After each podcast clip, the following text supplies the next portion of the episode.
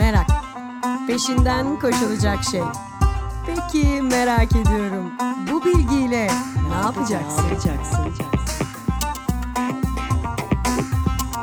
Merak Lisesi Podcast'inin 22. bölümüne hoş geldiniz. Ben Çağrı. Bu bölümde size konuşmak istediğim konu özellikle bu hafta bizi çok fazla meşgul eden konulardan bir tanesi. Özellikle salgınla beraber aslında daha gönlü olmaya başlayan konu olduğu için de bu sanırım söyleyebiliyorum. Yaşlılık. Çünkü yaşlılık çok e, ilginç bir şekilde ayrımcılık türlerinin arasında belki de kendisini en iyi kamufle eden, içimize sürekli işlemiş olan, belki hepimizin bir gün e, yaşlanmaktan korktuğumuz için görünür kılmaktan ya da göründüğü zaman kişilere karşı rahatlıkla uyguladığımız içselleştirdiğimiz tepkilerden bir tanesi. Ve bu aslında bir ayrımcılık. Ve biz bunu tepki olarak ya da düşünce olarak gördüğümüzde çok fazla bunun bir ayrımcılık olduğunu düşünmüyoruz. Kendimizi e, ayrımcılıkla ilgili bir şey yaptığımızda, özellikle ayrımcılığa birisini maruz bıraktığımızda kötü hissederken, yaşlılık konusunda bir şey yaptığımızda bunu gülme sebebi olarak görebiliyoruz. Dalga geçme olarak alabiliyoruz ya da birisinin işte yaş olarak küçük ya da büyük olmasının aslında onunla ilgili dalga geçmek için kolaylaştırdığını varsayabiliyoruz. Bunu çok fazla yapıyoruz. Ben de bu bölümde biraz bunları anlatmak istedim. Hem yaşlılıkla ilgili biraz bilgi vermek istedim hem de belki farkındalık artırmak için bir e, etkili bölüm olacağını düşündüğüm için bu bölümü kaydetmek istedim. Amcılıkla ilgili bakarken, araştırırken özellikle geçen yılda Mayıs ayında bir yazı yazmıştım. Gizli amcılık türlerinden bir tanesi yaşlılık diye. Güzel de bir okunması olmuştu. Hem oradaki notlarımı almaya çalıştım hem de üzerine başka ne var ne yok diye baktım. O yazıdaki de açılış cümlesi şuydu. Genellikle insanlar yaşlılık konusunu ilk kez iş yerlerinde konuşmaya başlıyor. Oysa yaşlılık çok daha önce başlıyor. Okuldayken. Bunu söyleyen Arya Süleymanova. Ve bence çok haklı. Çünkü biz aslında farkında olmadan iş yerine hayatına geç, iş hayatına geçtiğimizde yaşlılığı biraz daha görmeye başlıyoruz. Çünkü bir terfi almak için, bir işe girmek için özellikle mesela iş görüşmelerinde bile 5 yıl deneyim aranıyor. Üniversite mezunusunuz. O 5 yılı nasıl bulacaksınız? Bir ayrımcılık var değil mi yaşa ya da işte deneyim üzerinden bakılsa da. Ya da bir işe başvuruyorsunuz. Sizin o iş için çok yaşlı olduğunu söylenebiliyor. Çok daha genç birisini arayabiliyorlar. Ve burada görüyoruz ya da bir terfi almak istiyorsunuz. Henüz yaşın genç biraz daha bekle tepkisini alabiliyoruz. Yaptığımız her işin içerisinde aslında bunu görebiliyoruz. Çünkü yaşla deneyim ve taraftan da beceriler ve bilgiler sanki bir arada büyüyormuş gibi bir algı var. Oysa hepimiz çok iyi biliyoruz ki yaşta değil bazen deneyimler çok daha kıymetli ve önemli oluyor ve bazen çok daha genç bir yaşta çok daha büyük bir deneyime sahip olabiliyoruz. Dolayısıyla aslında bunlar hep içimizde olduğum an ve gördüğümüz şeyler ama aslında ayrımcılık ayrımcılık olarak baktığımızda buna bu çok daha önceden başlayan bir şey. Belki de aslında hayatta ilk gözlerimizi açtığımızdan itibaren öğrendiğimiz şeylerle geliyor. Çünkü ayrımcılık dediğimiz şeylerde bize aileden öğretilen, bizim kendi içimizde öğrendiğimiz şeyleri ve çevremizdekileri aldığımızı ve okulda da gördüklerimizle beraber pekiştirdiğimiz bir nokta. Ve bunu sımsıkı tutunabiliyoruz. Çünkü bunun en başta dediğim gibi bir ayrımcılık olduğunun farkında olmuyoruz. Bize yapıldığı zaman canımızı sıkıyor ama biz bunu yapmaktan çekinmiyoruz. Neden? Özellikle dün bir sosyal medyada önümüze düşen Twitter'da bir amcaya işte koronavirüsten dolayı 65 yaş üstündekilerin sokağa çıkması e, yasaklandı. Kısıtlama getirildi. Ve birçok insan aslında bu konuda mağdur. Ve iki tane genç yaşlı birisini gördükleri zaman gidip de amcaya dalga geçiyorlar ve gerçekten de çok üzünlü. Gerçekten o videoyu görmek benim için de çok şeydi ve sosyal medyada birçok insan için de iyi hissettiren bir şey değildi. Çünkü çaresizliği çok rahat e, yüzünden okuyabiliyorduk. Ve nedense insanlar bu konuda bununla dalga geçmenin çok doğal olduğunu gösteriyorlar. Ya da yapmaya çalışıyorlar, bize göstermeye çalışıyorlar. Ve o videoya aslında tepkiler gelene kadar birçok işte o videoyla eğlenip birbirine göstermeye başladı.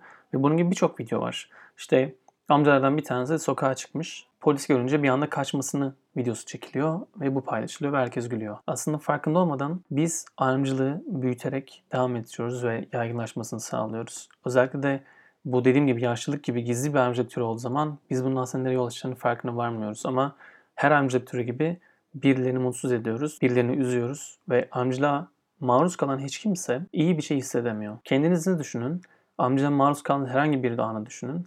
Hissiyatlarınıza bakın, duygularınıza bakın. Olumlu bir duygu dediğimiz herhangi bir duygu var mı? Canlanmış mı? Yoksa aslında içimizde hep olumsuz şeyler mi canlanmış? Hepimizde aslında olumsuz duygular var. Bu konuda dikkat etmek gerekiyor. Neye yaptığımızı, nasıl yaptığımızın farkındalığı çok önemli bizler için. Sonra o yüzden de bu videoyu görünce de hani farkındalıkla beraber tabii ki de olay farklı bir yere taşındı. Çok fazla kişi tweet atınca polis hem video çekenleri buldu, onları işte gözaltına aldı ve aynı zamanda ceza verdiler. Aynı zamanda amcaya ulaşarak birçok kişi yardımcı olmaya çalıştı. Bu da aslında bir taraftan yaşlılık dediğimiz ayrımcılığın görünmesi için de güzel bir ortam sağladı. Başka şeylere bakalım yani ayrımcı yaşlılık dediğimizde hani ben genel olarak yaşlılık dedim ama bir tanımı yapmamıştım. İsterseniz tanımı da şöyle söyleyeyim. Iverson, Larson ve Solem'in yaptığı 2009'daki tanıma göre yaşlılık basitçe yaşa dayalı ayrımcılık olarak tanımlanıyor. Yani herhangi bir şey yaptığımızda yaşa göre olarak bu ayrımcılık bu genç olmakta, yaşlı olmakta, çocuk olmakta, yaş skalasında herhangi bir yerde olan bir kişiye yaşından dolayı herhangi bir şekilde yaptığımız davranışlar aslında ayrımcılıklar diyebiliriz. Hani bahsetmiştim zaten işe girerken de çok fazla buna karşılaşıyoruz ve birçok yerde görüyoruz. Özellikle sosyal medyadan bahsettim hani bunun bu şekilde olduğunu. Bir taraftan da şöyle bir şey de var. Mesela Twitter'da atılan tweetlerin yaşlı içeriklerine bakıldığı zaman yaşlılığın 8 farklı teması içerisinde iki boyut altında kendini açık ettiğini söylüyor. Gentron, Belfort ve Inker and White 2016'da. Dolayısıyla aslında Twitter'da çok fazla yaşlı şakanı yapıldığını görebiliyoruz. Hatta büyük ihtimalle her gün açtığımızda e, biraz dikkat etsek birkaç tanesini görebiliriz ve bunlara çok fazla beğeni aldığını da görebiliriz. Çünkü hala bunun e, komik olduğunu ve bunu aslında espri şeklinde yapılabildiğini düşünebiliyoruz. Alanis Morissette'in güzel bir söylemi var. Yaşlılık her iki yönde çalışıyor. Yani halkın gözünde genç olarak insanlar benimle küçümseyerek konuşurlar demiş Alanis Morissette. Ve bunu hepimiz yaşamış olabiliriz. Bir taraftan da yaşlı olduğu için birçok insana yapıyoruz. Öğretim görevlilerine ya da işte öğretmenlerimize dinozorlar diyebiliyoruz. Ve bununla çok rahat dalga geçebiliyoruz ve bunu biz de yapabiliyoruz. Dolayısıyla dikkat etmek, farkındalığına sahip olmak çok çok kritik ve çok önemli. Bir taraftan da şey yanılgısı çok fazla. Özellikle her amcuk türünde var ama yaşlılıkta bu daha da yüksek. Yaşlılığında diğer amcılık türleri gibi eğitim seviyesi yükseldikçe azaldığına dair yanlış bir inanç var. Sosyokültürel seviyesi artan e, kişilerin ne yazık ki yaşlılık yapmadığını düşünüyoruz ama oysa öyle bir şey yok. Aksine çalıştığımız yerlerden, eğitim kurumlarından kendisini çok iyi bir şekilde yetiştirdiğini düşündüğümüz kişilerin davranışlarına ve söylemlerine baktığımızda ya da sosyal medya paylaşımlarına baktığımızda onların da ayrımcılık yaptıklarını çok rahat görebiliyoruz. Çünkü yaşlılık dediğimiz şey genelde ayrımcılık olarak görünmüyor. Ve dolayısıyla farkında olmadan gizli gizli kendisi en iyi kamufle eden bu ayrımcılık türünü de birçok kişi yaparak bunları meşrulaştırmaya çalışıyor. Peki biz ne yapabiliriz? Yani yaşlılığı önlemek için bence farkındalık oluşturmak çok önemli. Özellikle de bu iki gündür yaşadığımız sosyal medya paylaşımlarla beraber hani sebebini bilmediğim şekilde 65 yaş üstünün evlere kısıtlanmasıyla beraber gelen bir şey var. Evet risk altındalar. Çok önemli gerçekten kendini izole etmeleri. Ama düşünün bu salgından da çok daha önce 65 yaş üzerinin ücretsiz olduğu için otobüsler gezmesine dair inanılmaz büyük bir nefret söylemleri vardı Ekşi Sözlük'te, Twitter'da. Her yerde bu yayılmıştı. Nereye gidiyorlar, ne yapıyorlar, neden işte hep yerlerinde durmuyorlar, sürekli geziyorlar gibi söylemler vardı.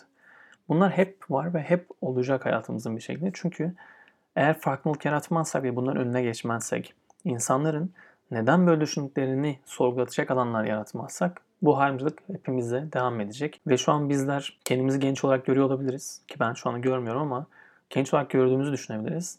Ve aslında zaman çok hızlı geçiyor geçmişe dönüp baktığımızda ve bu amcılık şeklinde, amcılığa bizler de yavaş yavaş maruz kalmaya başlayacağız. Ya da kalıyoruzdur belki de. Çünkü genç olarak da kalıyoruz ama yaşlandığımız zaman da kalmaya başlayacağız ve daha acımasız bir şekilde kalabiliriz. Bunun önüne geçmenin yöntemi de farklılık oluşturmak. Bu konuda da Pauzak'ın çok güzel bir sözü var. Hani farklılık yaratmak önemli çünkü itiraz etmemeliyiz. Çünkü itiraz et aslında daha çok katılaşmasına ve sıklaşmasına sebep oluyor bu tür davranışların. Dolayısıyla ne yapabiliriz, nasıl hareket etmeliyiz dediğimde Pauzak şöyle söylüyor. Bize güvenildiğini hissettiğimizde veya nazik bir davranışla karşılaştığımızda oksitosin salgınıyor.